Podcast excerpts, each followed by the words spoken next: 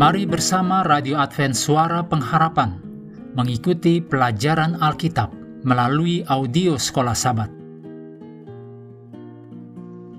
Selanjutnya, kita masuk untuk pelajaran Senin 20 Februari. Judulnya Berkat Pekerjaan Idealnya.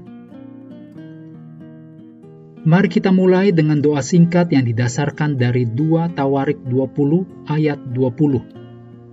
Percayalah kepada Tuhan Allahmu, dan kamu akan tetap teguh.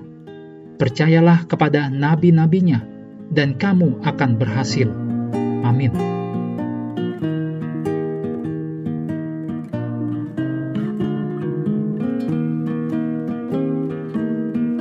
Cepat atau lambat, Anda perlu bekerja mencari nafkah. Kecuali Anda secara independen, kaya, atau penerima manfaat dari dana perwalian yang ayah dan atau ibu telah tentukan untuk Anda, sehingga Anda tidak akan pernah harus bekerja sehari pun dalam hidup.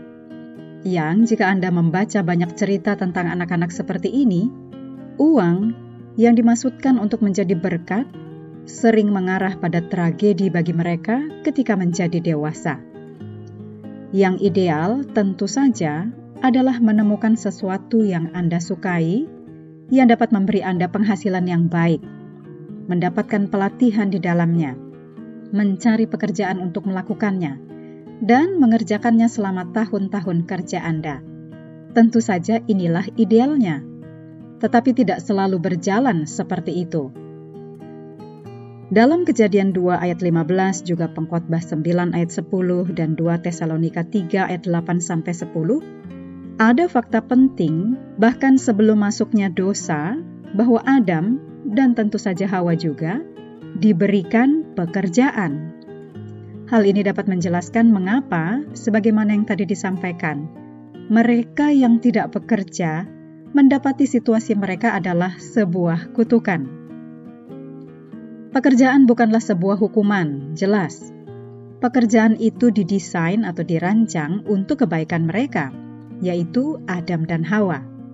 Begitulah, meskipun berada di taman, bahkan dalam satu dunia yang tidak berdosa, tidak ada kematian dan tidak ada penderitaan, Allah mengetahui bahwa umat manusia perlu bekerja.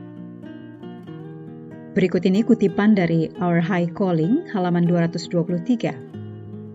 Dan kepada Adam telah diberikan pekerjaan memelihara taman itu. Pencipta mengetahui bahwa Adam tidak dapat bahagia tanpa pekerjaan. Keindahan taman menyenangkan dia, yaitu Adam. Tetapi ini tidaklah cukup. Adam harus bekerja agar dapat menggerakkan organ-organ tubuhnya yang indah Seandainya kebahagiaan manusia adalah dari tidak melakukan sesuatu, maka dalam keadaannya sebagai makhluk yang suci dan tidak berdosa akan dibiarkan menganggur. Tetapi Allah yang menciptakan manusia mengetahui apa yang akan membuat manusia bahagia. Dan segera setelah Allah menciptakannya, maka Allah menugaskan kepadanya pekerjaan.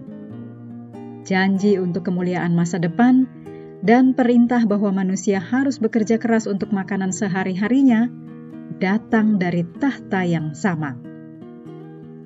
Akan tetapi, setelah kejatuhan, sama seperti hal-hal yang lain, ketika pekerjaan telah dinodai oleh dosa, Allah berkata kepada Adam dalam Kejadian 3 ayat 17, "Maka terkutuklah tanah karena engkau, dengan bersusah payah engkau akan mencari rezekimu dari tanah seumur hidupmu.